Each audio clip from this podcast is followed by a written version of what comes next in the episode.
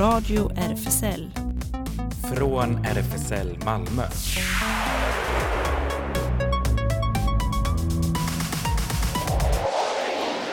Välkommen till Radio RFSL, Riksförbundet för homosexuellas, bisexuellas, transpersoners, queeras och intersexpersoners rättigheter.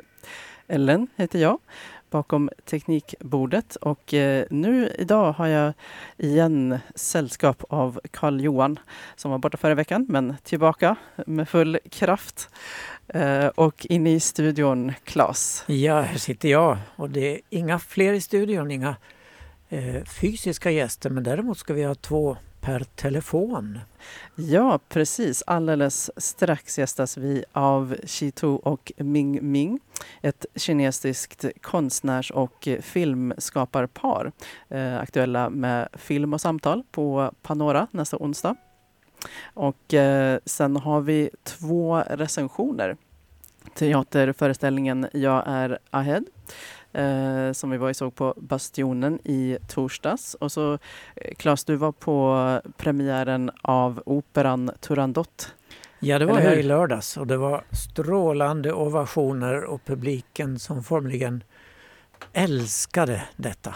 Wow, mm. det ser vi fram emot. Eh, vi börjar med lite annan slags musik. Eh, dock, här kommer Chan Chan med Buena Vista Social Club.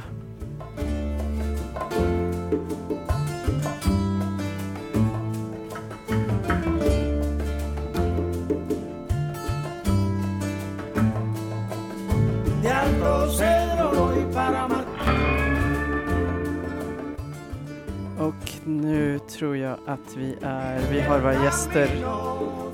Oops. Nu drog jag ner fel här. Nu tror jag att vi har uh, våra gäster med oss här. Uh, hello, welcome. We're wel welcoming our guests. Um, Shitu and Ming Ming. Hello, can you hear us? Uh, yes. Hello, hello. I'm 石头. Uh, I'm Ming Ming. Uh, our translator Jing Yan. Hello. Greetings from Lund. Hello, we're so happy to have you with us. Um, so uh, you're going to be having a uh, talk and a, a film uh, next Wednesday, and um, uh, tell us just a little bit about uh, the film and talk to begin with. 就是告诉嗯、呃、大家嗯、呃、关于一点关于这个电影的信息，以及关于这个 演讲的信息。OK，呃，这部电影是一些片段组合在一起的一个纪录片，呃，但它又有一点像一首诗。And so this film, within 50 minutes, is a clash of uh, images and it's very poetic. 嗯，对，但他们呃，我们拍摄他们是在呃中国的好几个地方，有呃有藏区，有北京，还有我们自己的家乡。嗯，呃，this film was shot in Beijing, uh, my hometown Guizhou, Southwest China, and the Tibet area. This uh, was uh filmed. Uh, yes. Filmed. Yeah. Yeah. yeah. Mm. Mm-hmm. Mm-hmm. And so. All right. Mm. Um, and then there's going to be a talk about it uh, after the film. Yes. Correct. Yeah. Um, so um, uh, speaking of that, we we have uh, first a uh, question for uh, Shito. Um, uh, so, um, how are you treated by uh, the authorities in China? Uh, you're a prominent artist, but also a queer activist, and uh, cast in the first Chinese feature film about lesbian women, which uh, won awards at uh, various film festivals. Uh, so, how how are you treated by the authorities in Mm. China as a a queer activist and filmmaker? 嗯嗯，I see。呃，其实我 我主演的这个电影，其实在中国是不可以被公映的，就是所有的电影院都不能看到。当然，大家也会通过网络或呃我们呃曾经举办过的一些独立电影展，会可以看到这个电影。是哪一年的？二零一呃，二零两千年的是。嗯，so the film I was uh uh 二零零一年是。I was acting. Uh, it's called um, Fish and Elephant. It was. It's the first Chinese feature uh, film about a lesbian woman. Yes, and it was shoot, uh, released, uh, premiered in 2001 on the Cannes uh, Film Festival. Um, but this film is not still is not allowed to screen in China in a public uh, uh, place. And uh, uh, but many Chinese they manage to watch this film online, for example, uh, using a VPN service, mm-hmm. and it was uh, discussed in many scholarship, etc. Mm-hmm. That's all. All right, so it's been not that easily available, you're saying, people had to find it online. yeah, it's censored. Yeah. Mm, Yeah. yeah, it's censored. Right. But, but the situation is also different. 呃你想不想讲那个电视的，那个崔子他们的电视的？啊，对，我们在两千年的时候也做过第一次在呃电视台的呃公开讨论同性恋议题的一个电视节目，呃，但是呢，从那以后到现在就 这样的公开讨论的话题就越来越不可能了。嗯。So the situation also is very complicated and changes all the time. Um, in the year of 2000, 2000 uh, uh, I and with my other gay friends, we uh, came out uh, um, on the national TV broadcast, uh, broadcast TV talk show. Show. So it was uh, mm, a hot topic at that time was uh, almost mm, 0.1 billion, uh, billions audiences watching the TV show. Um, but now the situation changes ra- radically. Um, uh, many LGBTQ plus NGOs been shut down uh, over the past few years, and such kind of uh, queer uh, mm, TV show is not possible anymore in China. hmm Okay. And uh, we have uh, another question uh, for uh, Ming Ming. Uh, so so um, uh, maybe my colleagues wants to. Well, it's Yeah. about the film you are going to show in Panora next week, Women 50 Minutes. Is that film available in China and can it be shown there? 嗯，对，嗯、我就我们的电影差不多在国内都还是不能公映的，但是我们在很多呃呃独立的独立电影节上有做放映，呃有有参加一些国外的独立电影节，包括中国的独立电影节的空间，但是现在那些独立电影节也也被 pass 没有了。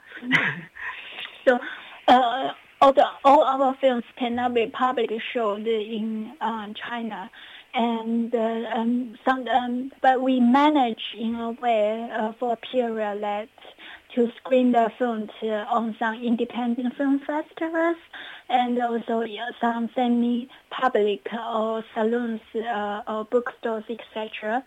But now all these uh, semi-public and independent venues are vanishing in China. It's impossible to do to organize a queer film festival on the spot anymore. Not to mention other kinds of civil society organization, uh, organized activities. Mm? hmm So that's a change in recent years. 呃呃，还有呃，我们的艺术展览，艺术方面的有展览的话，嗯，也是就是比较审查比较也比较严，是就不会不会有展览的机会很很少， 即便有的话，都是要经过后期处理，然后才可以展览。 So um, for our art uh, now, uh, we hardly got chances to uh, show our art uh, in public in China anymore. And even though sometimes we manage to uh, participate in uh, to participate in some art exhibition, and uh, uh, the work, all, all our our work uh, are being censored. Uh, need to go through very strict censorship. 嗯，你要讲那个例子吗？陈木库的例子吗？ Yeah. 那个吧，上场吧，整个现场吧，哈。 Uh, Okay. so Uh, on the on the screening event, we will share more funny stories regarding this censorship. 我我还有一个 Um, Yeah. one more. 对啊，也还有一个，嗯，就是，嗯，就是其实石头前几年是有签约一本要写一本书的， 都已经签约了，但是因为他们很多限制，就是说这个不能写，那个不能写，很多都不能写，最后石头没有写的，所以就放弃了。 So a couple of years ago, uh, Shito was invited to uh, a, a big publisher to sign a contract to publish a book, and but there so there are so many restrictions about what can be written, what cannot be written. So in the end, she has to give up the contract. mm, Thank Oh, you. Too bad. yeah. What? Uh, no more life. Yeah. So uh, we were also uh, wondering um, what artists in the global south uh, you have been inspired by, and uh, or have been inspired by you, and has there been a creative exchange with artists and artists in the global south? 或者说你的艺术对这些呃来自南方国家的艺术家的启发是什么？也是问题的一部分。嗯，我想不起来。啊，嗯，啊，其实我比较喜欢就是跟很多呃伙伴们，就是呃 LGBTQ 的伙伴们，或者是 feminist 的伙伴们在一起做行动，所以我觉得经常是我们的一起行动来呃影响我的我们的创作。 Yeah, there are so many uh, events that have happened, so I cannot really remember exactly at this moment. But we always worked with different kind, uh, different groups of LGBTQ friends and feminist friends from different places, and I like to uh, take uh, pa- participate in their action and uh, be part of the action and get inspiration from each other. All right. And uh, um, speaking about the uh, film and talk next Wednesday, what do you hope to experience? And what exchange with participants would you enjoy? 嗯，啊，我希望我们都希望有更多的观众来看我们的电影，呃， 啊，因为我觉得这部电影它其实对当下还是具有很多的意义的，啊，而且我希望在那里大家可以自由的讨论，这些讨论就不像我们在自己的国家那个时候就很多的不自由，很多不可言，很多的不可言说。我希望在这里是啊很充分、很自由的表达。嗯嗯 Yeah, so I really wish that uh, there are many, more and more people, many people to come and to uh, watch this film, which is still very relevant to um, um, nowadays, uh, to people's life nowadays. And in my personal view, my as a translator and researcher at Lund University, I would say, uh, Women 15 Minutes it's a film like uh, last forever because it does not being it's not being restricted in any story narrative. It's a clash of women's image in a poetic way, and uh, also uh, in Sito's words, she wish to meet more people in cinema and have more discussions and. Uh, also, uh, what's the last point? 嗯，你最后你最后一点你说的什么？对不起，我忘记了。呃， 呃，对，就是希望大家可以自由的讨论，哦然后 right 是在中国所 Yeah 没有的。 Yeah, and uh, I also wish audiences can uh, discuss the film freely because then this uh, freedom of discussing a film, watching a film, so this kind of freedom is not available when in my home country. Mm-hmm. Okay. Well, uh, we're looking forward to it, and uh, thank you so much for joining today's show. Thank you, Ellen. Yeah, thank you all so much. hey, Dom. Okay. Hey, Dom. Hey, Dom. Hey, Dom. Hey, Dom. Hey, Dom.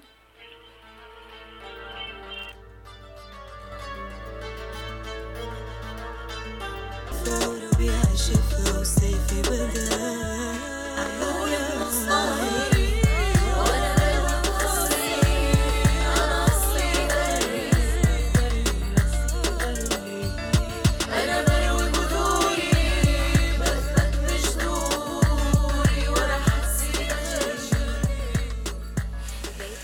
Ja, vi tackar våra gäster och eh, nu gick vi över till eh, en låt som heter Asli Berry som hör ihop med eh, kommande recension, eh, teaterföreställningen Jag är Ahead. Eh, som vi var på i torsdags, eh, premiären då.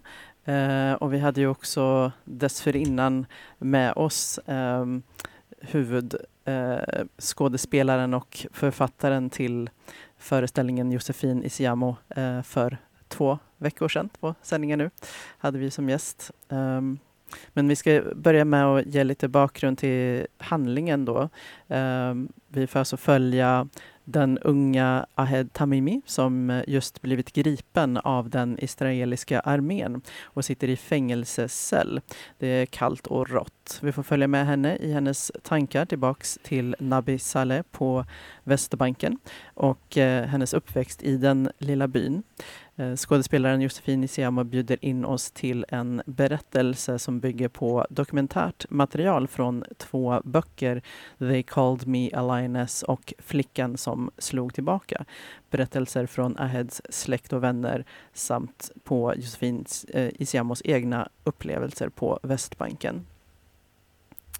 Uh, och uh, jag kan ju beskriva lite då scenen när man eh, kom in på bastionen så, så utgörs hela scenen av fängelsecellen där hela föreställningen utspelar sig och cellen är enkel med bara en hink som toalett um, och ingen säng, bara en, en hård bänk.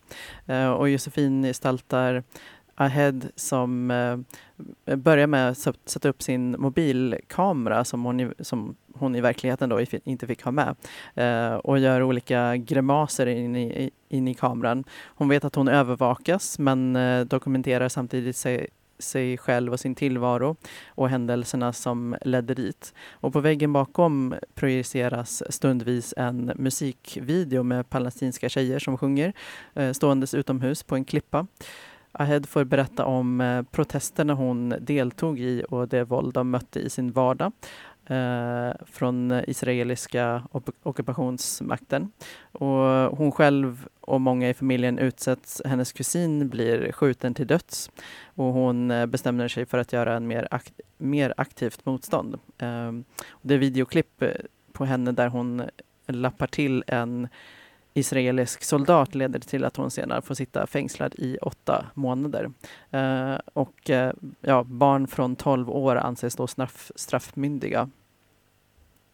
Och, eh, ja, intrycken kan jag säga att jag överlag tyckte att det var bra scengrepp i framställningen av eh, Aheds tid i fängelse och, och sammanhanget kring det.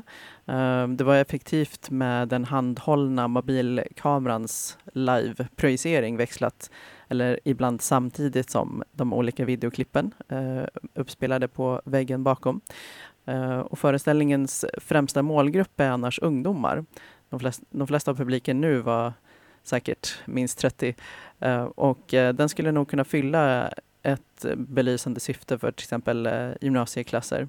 Efter fan, efteråt fanns också tid till samtal som föreställningen skulle kunna vara bra underlag för, eh, även för ungdomar. Um, en scen som väckte li lite obehag, eh, måste jag säga, och, och liksom funderingar över eh, syftet var då Ahead, eh, spelad av Josefin, då, slänger ner eh, sin eh, kefie, alltså Palestina-sjal som det brukar kallas här, på golvet och går över eller trampar över en del av den. Och då kan man undra, var, var detta något som Ahed faktiskt ska ha gjort? Det kan ju vara dokumenterat i någon av böckerna kanske. Um, eller som Josefin Isiamo la till som en spontan konstnärlig tolkning eller så. Um, symboliken gick i alla fall inte att undgå och gav en, en obehaglig känsla. Och här kan man eh, ja, kanske fundera över tolkningsföreträde och, och olika överväganden i att belysa en del av ockupation, eh, våld och maktasymmetrier. Uh, sådär. Så att, uh, ja, det lämnar ju li lite så funderingar också kring hmm, um, så jag vet inte. Men det kan ju också vara underlag kanske om det skulle spelas upp för en gymnasieklass. Hur länge spelas föreställningen? Eh, I Malmö har den slutat spelas på Bastionen i alla fall, men den, den ska ju tydligen eh, spelas på flera ställen framöver och kanske i Malmö igen, fast på andra ställen. Den spelades eh, tidigare i samband med eh, det här kulturevenemanget eh, för några veckor sedan. Så ja, eh, men eh, vi går över till eh, en annan recension. Vi ska höra lite här eh, först från Turandot.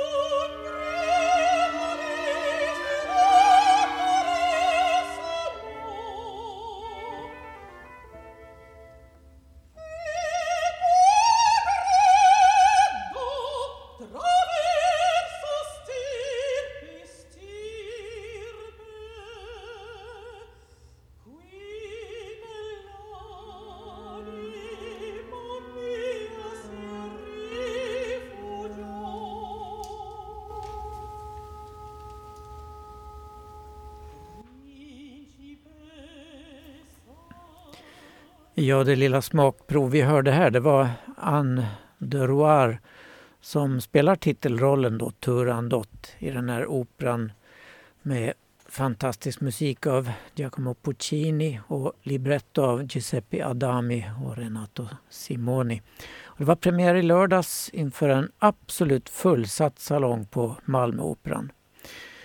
Eh, när operan spelades eh, några gånger tidigare i Malmö 1999 och den gick sen i repris 2000 och 2004.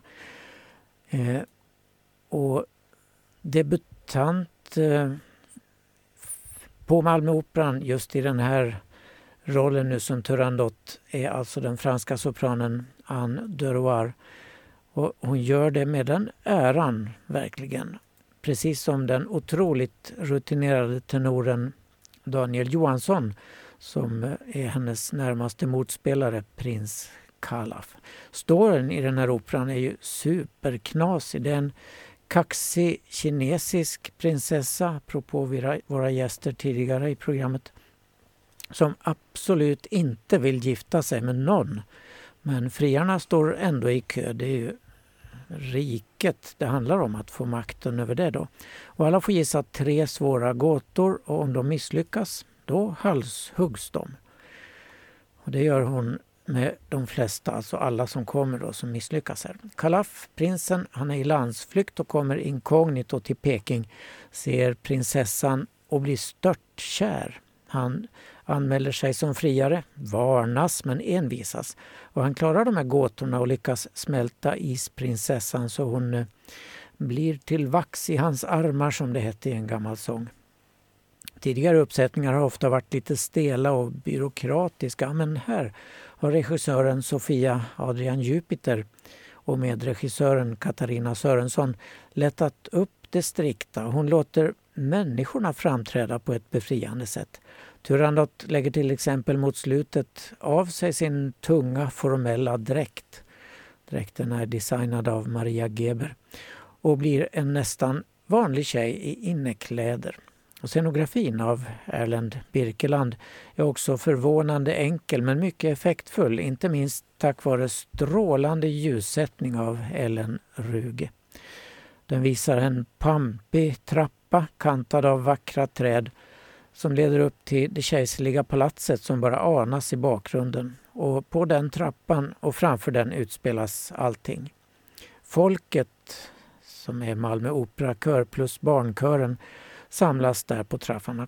Kalaf slår på den utmanande gånggången för att ge sig in i den här tävlingen och gåtorna läses upp och de tre ämbetsmännen Ping, Pong och Pang kan få vara både byråkratiska, roliga och personliga när de också lägger av sig sina praktfulla dräkter. Dirigenten Daniel Carter leder operaorkestern till stordåd verkligen. Från ouvertyren till det mäktiga slutet.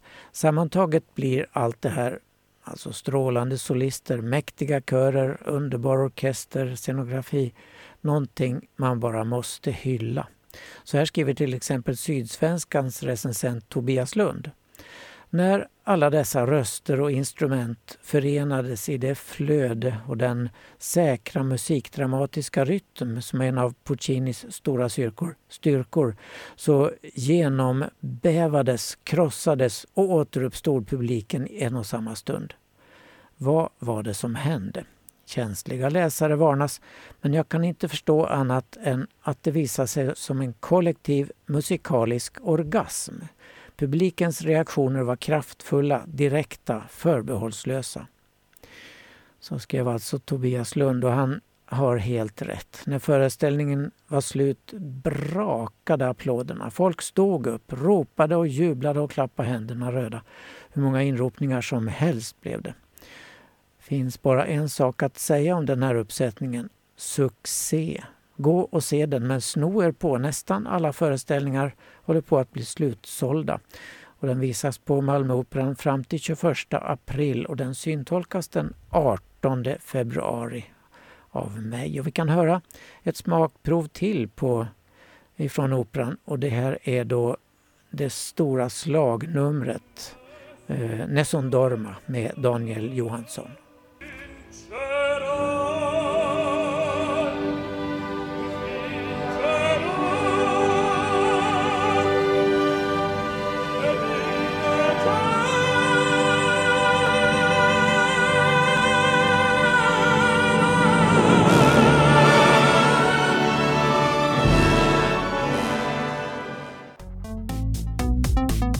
Radio RFSL Nyheter. Ja, från Peking till Ryssland. I måndags utdömde en domstol i staden Saratov, som ligger sydost om Moskva, 1500 rubel, ungefär 170 kronor, i böter till konstnären och fotografen Inna Mosina för flera Instagram-inlägg som visat regnbågsflaggor, rapporterade Rysslands oberoende nyhetssajt Mediazona, citerad av Los Angeles Daily News. Det är bland de första offentligt kända fallen där ryska myndigheter straffar människor enligt ett beslut i Högsta domstolen som förbjuder hbtq plus-aktivism som kallas för extremism i Ryssland. Ryska medier och rättighetsgrupper har rapporterat om minst tre fall med personer som visat upp regnbågsfärgade föremål och fått fängelse eller böter för detta. HDs dom i november förbjöd vad regeringen kallar rörelsen för hbtq som verkar i Ryssland och stämplar den som en extremistisk organisation. Domen var en del av ett tillslag mot hbtq plus-personer i det alltmer konservativa landet där så kallade traditionella familjevärderingar har blivit en hörnsten i president Putins 24-åriga styre. Ryska lagar förbjuder offentlig visning av symboler för extremistiska organisationer. Till exempel hbtq plus rättighetsförespråkar eh, som har varnat för att de som visar regnbågsfärgade flaggor eller andra föremål kan bli måltavla för myndigheterna. Och det drabbar nu alltså Mosina. Mamma Mia, säger 47-årige Luca Capuano som låtsas förvåning när hans knubbiga spädbarn Paula sörplar sörplade i sig ytterligare en sked av hennes favoritgröt som hennes andra pappa Salvatore Scarpa, 30 år, hade lagat. Snart, hoppades paret, skulle de få laga mat för fler i det här köket i södra Neapel, där Vesuvius skymtar utanför fönstret. Samma Kalifornienbaserade surrogatmamma som födde Paula förra året hade gått med på ännu en embryotransplantation, berättar Washington Post. Men eh, detta detta skulle, också utgö- eh, detta skulle kunna göra dem fredslösa. De betraktar oss inte som en familj, säger Capuano som, och syftar på premiärminister eh, Giorgia Melonis regering. De betraktar oss som kriminella. Ett regeringsbeslut från Meloni förra året förbjöd lokala borgmästare att registrera födelsebevis för föräldrar av samma kön. Det betyder att sju månader gamla Paula eh, tekniskt sett förblir juridiskt föräldralös utan erkända föräldrar eller medborgarrättigheter i Italien. Regeringen vill nu också göra utländskt surrogatmödraskap till ett brott som skulle kunna innebära upp till två års fängelse och böter motsvarande 1,1 miljoner dollar för italienare som återvänder med barn födda genom surrogat utomlands. Förslaget godkändes av underhuset i juli förra året och en omröstning i senaten, även den under kontroll av Melonis konservativa, väntas inom kort. Eh, och eh, man kan läsa hela reportaget i en eh, Washington Post-artikel som vi länkar till. De polska killarna Michael 60 år och Wojtek 52 år är som vilket strävsamt äkta som helst. De fyller i varandras meningar, kivas om årtal och detaljer och ser fram emot att leva livet ut tillsammans. Det finns ett problem dock. Ur lagens synvinkel är vi främlingar för varandra fastän vi har varit ihop i 20 år, berättar Mikhail för Dagens ETC som träffade paret i deras hem i Krakow. Polens nya styre har lovat att införa samkönade partnerskap men frågan delar hbtq-communityn. Michal Niep Pielski har fyllt 60 och det stressar honom. Han vågar inte dö, inte så länge Polen ser ut som det gör. För hur blir det då med Wojtek, hans pojkvän sedan 20 år tillbaka? Vi bor i min lägenhet, säger Mikhail, som eh, bara jag äger. Om något händer mig har Wojtek ingen arvsrätt. Min familj kan skänka den till honom men då behöver han betala 20 procent av värdet i skatt fastän familjemedlemmar Eh, ärver varandra skattefritt. Ger jag bort halva lägenheten är det samma sak. Han måste skatta. Bostadspriserna i Krakow har skenat. Var ska han få pengarna ifrån? Många bekymrade frågor som väntar på svar och de kan komma för Mikhail och Wojtek. För de har drivit frågan om att få gifta sig genom hela den polska rättsapparaten hela vägen till Europadomstolen i Strasbourg. Där låg fallet i flera år fram till att domen till deras fördel utlystes samma dag som Donald Tusk svors in som premiärminister i Polen den 12 december 2023. Eh, killarna tror inte att datumet var en slump. Nej, domstolen hade kunnat presentera domen mycket tidigare men de insåg att det var lönlöst så länge Lag och rättvisepartiet, PIS-partiet som det kallas, satt vid makten, säger Wojtek. Och man kan läsa hela det här reportaget på etc.se, alltså etc.se. Att ta emot det brev som skickats av åklagaren var som en käftsmäll berättar de italienska mammorna Valentina Bagnara och Daniela Giotto för Sky News citerad av HBT-liberalernas ordförande Carl Otto Engberg. Att inte längre vara förälder till sitt eget barn, det går knappast att föreställa sig Eh, den tunga stenen tillbaka in i huset efter att ha läst de första raderna av brevet. Stegen måste vara bland det mest smärtsamma en förälder kan ha, skriver Engberg i Liberalernas tidning Nu. Denna mardröm rullas nu upp för många italienska samkönade föräldrar där grova orättvisor begås i skuggan av domstolsbeslut och den nya högerextrema regeringens politik. Mam mammor och pappor förnekas sin rätt att vara föräldrar enbart baserat på deras sexuella läggning. Vi vet att situationen sträcker sig bortom gränserna där länder som Uganda med dödsstraff och östra Europa med sina egna utmaningar framstår som än mer extrema exempel. Men det som utspelar sig i Italien markerar för mig en brytpunkt. Homofobin efter årtionden av landvinningar är återigen närvarande också i Västeuropa, konstaterar Carl Otto Engberg. Amnesty International har lämnat in ett eh, så kallat amicus curiae-underlag till Sydkoreas högsta domstol inför en avgörande dom om rättigheterna för samkönade par i det landet. Och amicus curiae det är ett underlag som lämnas in till en domstol av andra än processens parter. Högsta domstolen i Korea ska ta ställning till om en samkönad partner har rätt till sjukförsäkringsersättning till exempel på samma sätt som för heterosexuella par. Paret det gäller vann ett viktigt mål i Försäkringsdomstolen i februari förra året som slog fast att eh, make, makas stöd enligt det statliga sjukförsäkringssystemet inte kunde inskränkas till lagligt definierade familjer och att förneka rätten för samkönade par var diskriminerande och bröt mot principen om jämlikhet. Men sydkoreanska försäkringskassan överklagade domstolens beslut till Högsta domstolen. Att neka ett par av samma kön samma rättigheter som par av motsatt kön är helt klart diskriminerande. Sydkorea måste omfamna jämlikhet, mångfald och inkludering och se till att även hbtq-personer får jämställd tillgång till hälsovård och sociala förmåner i landet, säger Amnesty, Amnesty Internationals Östasien-expert. 36 länder runt om i världen har erkänt samkönade äktenskap i lag men Sydkorea har ännu inte legaliserat vare sig samkönade äktenskap eller civila partnerskap. Ett lagförslag i Grekland om att legalisera samkönade äktenskap och adoptionsrättigheter fick brett stöd bland parlamentariker under en debatt på utskottsnivå i måndags.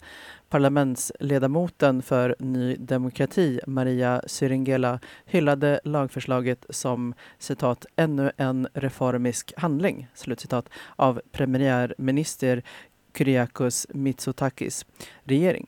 Om lagförslaget antas blir Grekland det 31 landet... 37. 37, ja. 37, det var ännu bättre. Landet som erkänner äktenskap eh, av samkönade par i en nationell lag, eh, tillade hon. Av eh, NDs 158 parlamentsledamöter förväntas omkring 100 rösta för lagförslaget medan de återstående 58 antingen röstar emot eller avstår. Vänsterledamöter från Syriza, som har 36 platser, noterade att deras parti stöder lagförslaget men noterade att ett förbud mot surrogatmödraskap för samkönade par samtidigt som det tillåts för heterosexuella par citat, står i fullständig motsägelse till artikel 4 i konstitutionen som säger att grekiska män och kvinnor är lika inför lagen. Slutcitat. Och varnade för att denna bestämmelse skulle kunna leda till framtida rättsliga tvister. I lördags firades Pride i den indiska staden Mumbai, tidigare Bombay. Flera tusen deltog i det som både var ett firande och en demonstration, berättar QX. Bland deltagarna syntes utländska beskickningar, bland annat Sven Östberg från svenska generalkonsulatet, liksom norska och finska deltagare. Ländernas medverkan i paraden beskrivs som historisk då det var första gången som beskickningar gick med vid en indisk prideparad. Kraven från demonstranterna handlade om en könsneutral äktenskapslagstiftning, även här alltså, och en öppnare syn kring könsidentiteter. QX-galans drottning hette Elektra och prinsessan blev Ellen Kraus. Och så mycket hits, eh, Eurovision-drottningar och tårar vi bjöds på, berättar QX.se. Galan anordnades i måndags på Cirkus i Stockholm som vanligt och för alla oss som inte kunde vara där sänds ett sammandrag i TV4 måndag den 12 februari klockan 20 till 22.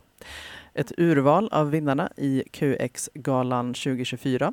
Årets hbtq, Ellen Kraus, svensk singer-songwriter uppvuxen i Västerås, i, i Vallentuna och i Johannesburg i Sydafrika.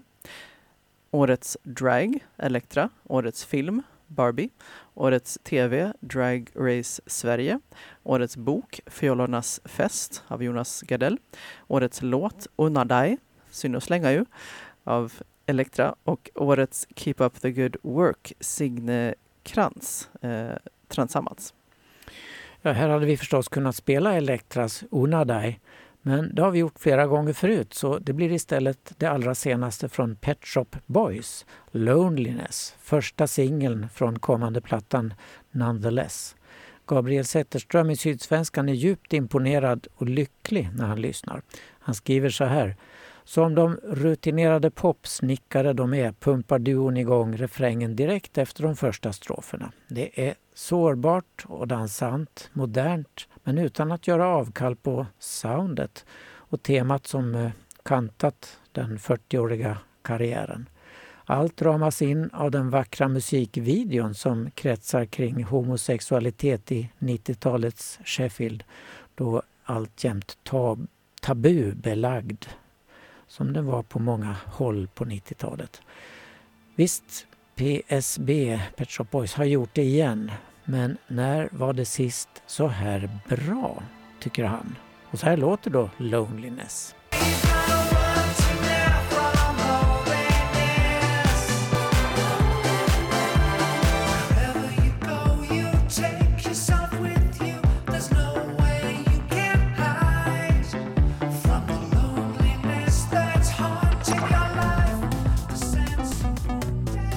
Radio RFSL. Det händer. Ja, det händer som vanligt väldigt mycket även denna vecka. RFSL Malmö har ju som bekant flyttat och nya adressen är Stora Nygatan 42. Och för att få veta mer vad som händer i vår expanderande verksamhet så kan man kolla in våra sociala medier som Facebook och Insta och även hemsidan numera rfsl.se malmo. RFSL Malmö har öppet café på torsdagarna och seniorcafé på söndagarna. Båda är förstås öppna för alla kön och åldrar och håller öppet 13 till 16. Space Malmö har träffar varannan lördag klockan 14. Nästa blir den 10 februari. Mer info finns på Space Insta-sida. Biplus Skåne träffas igen onsdag den 14 februari klockan 18 till 20 i lokalen. Det är träffar för alla som identifierar sig under paraplytermen B+, och för dig som funderar över om det kanske kan stämma på dig. Newcomers populära kaféverksamhet för nyanlända och asylsökande hbtqia-personer är som vanligt på fredagar klockan 15 till 19 och även träffar på måndag eftermiddagarna för sociala kontakter och juridisk hjälp. På onsdagarna ordnas träffar för hbtqia plus ukrainare som behöver en säker plats att träffas. Och där har man engelskt språkcafé för ukrainarna klockan 15.30 till 18.30. Queer Kids träffas onsdagar klockan 10 till 12 i våra lokaler. Det är queera babyföräldrar som träffas med sina barn, sjunger, leker och umgås. Det finns leksaker, bord, barnstolar och mikro. Är du som förälder intresserad, skriv till Malmo Queer Kids e eller kolla Insta. Där är det queerkids.malmo. Habitat Q, ungdomshänget för ungdomar 13 till 19 år, har regelbundna träffar. Och man kan kolla på Facebook eller på Insta och där är det snabel habitat understreck Q. Och där kan man DMa för att få veta var och när man träffas. Och eh, Tamam Luna har träffar tisdagar 17 till 20. Eh, träffarna är för unga reserverade hbtqia plus-personer mellan 13 och 19 år. Eh, man kan kolla på Facebook eller Insta, snabbela tamam Luna för att få veta plats för kommande träff. Och SLM Malmö, medlemsklubben för bara män, träffas på Sallerupsvägen 30 och man kan kolla hemsidan slmmalmo.se där specialträffar annonseras ut. I vanliga veckor gäller det här schemat. Tisdagar är det pub öppen 20 till 24. Dörren stänger då klockan 22. Och på lördagar är det klubb öppen 22 till 02 och dörren stänger där vid midnatt. På fredag klockan 19 blir det fredagskonsert på Malmö Opera med musik av eh, Richard Strauss, Gustav Mahler och Alexander von Semlinski. Det låter som... Kommer du vara där? Klas? Uh, jag kan tyvärr inte. Ah, jag hade okay. gärna varit där. Annars låter det skräddarsytt för dig. ja, precis. Det, medverkande är Malmö Operas orkester under ledning av Patrik Ling, eh, Ringborg och solisterna Elisabeth Jansson, sopran, eh, Mikael eh, Veinius, tenor och Jon Lundgren, bariton. Ungefär samtidigt så öppnas dörrarna på inkonst för Club Mermaid med temat Love, Love, Love. Showen börjar 20 och DJ med dans blir det klockan 22 och biljetter till det här via Tixter. Direkt efter Club Mermaid klockan 00 kör Fingerlickens Gina 040 eh, och sen är jag Ja, oklar är över hur man... jättekonstigt Ja. T, tre T i rad, I, E, N och så B, 2 B eh, igång på sin show. Och de håller på ända till 04 på Inkonst. Eh, och även här finns biljetter via Tixter. Och på söndag klockan 14 kan vi följa med på en visning i Konstmuseet ute i slottet om nakenhet i konsten och vad den har betytt i olika tider och sammanhang.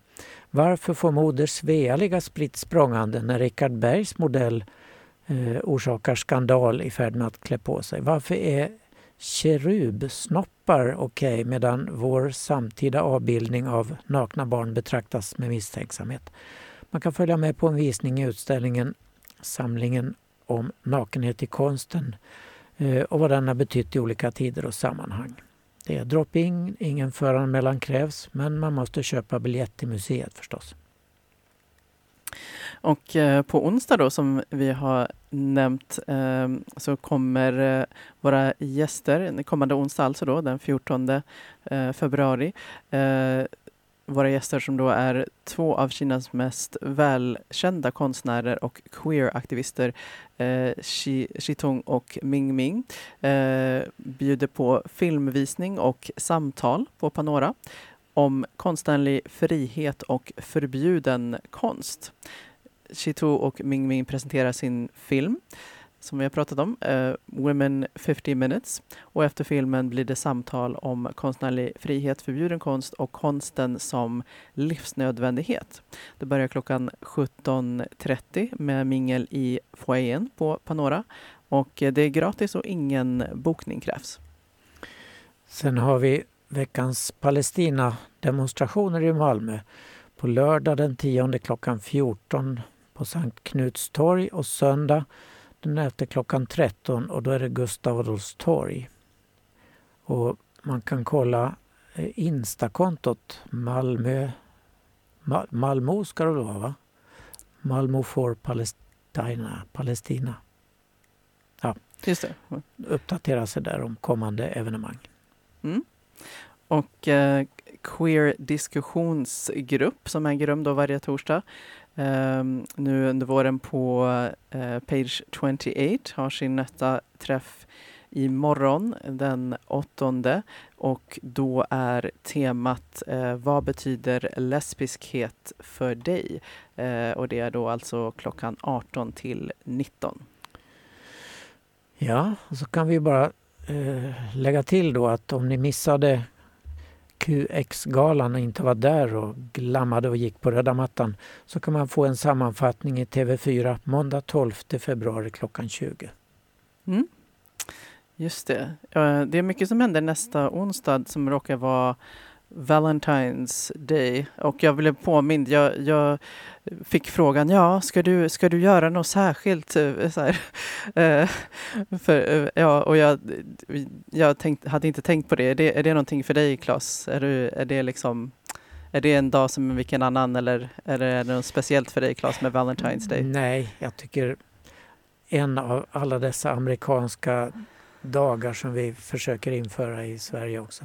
Det är ju käckt. Alla blomsteraffärer och sånt där försöker ju lansera den som attan för man ska köpa blommor till sin käraste. ja just det. Att Men- det Jag får ge Öyvind en extra puss kanske. Ja, just det. Jo, jo, men jag har väl tänkt lite så också att det har ju använts mycket i sådär eh, konsumtionssyfte och Ja, verkligen. att det, ja, Och tyvärr kolliderar ju den här visningen av de, den kinesiska filmen på Panora med vår radiosändning. Så vi kan inte vara där.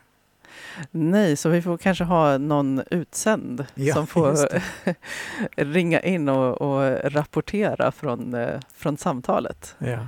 Det, ja, det har vi inte provat tidigare att ha. ehm, förutom för eh, några år sedan med vår forna kollega Jonas som faktiskt eh, ringde ju in från Beirut. Just det. Så det, vi kanske måste återuppta den här idén om att ha rapportering från Korrespondenter. live-rapportering. Ja. Ja. ja, men det var väl allt vi hann med för idag. Vad har du hittat på för avslutningsmusik? Ja, apropå eh, dels eh, dagens eh, recension av teaterföreställningen men också de pågående demonstrationerna, Palestina-demonstrationen. Det här är en låt som brukar spelas, jag har hört den spelas i avslutning av många demon. Eh, här kommer ytterligare en queerartist faktiskt. Eh, Rola Azar med Hey Palestine. Så bra, tack för idag. Hej då. Hej då. دق الرمح بعود الزين وانتو يا نشامة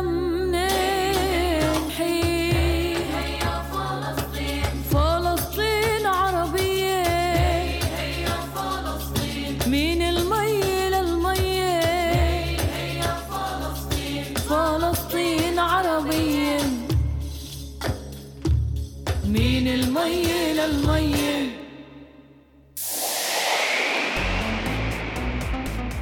Det här var Radio RFSL. Från RFSL Malmö.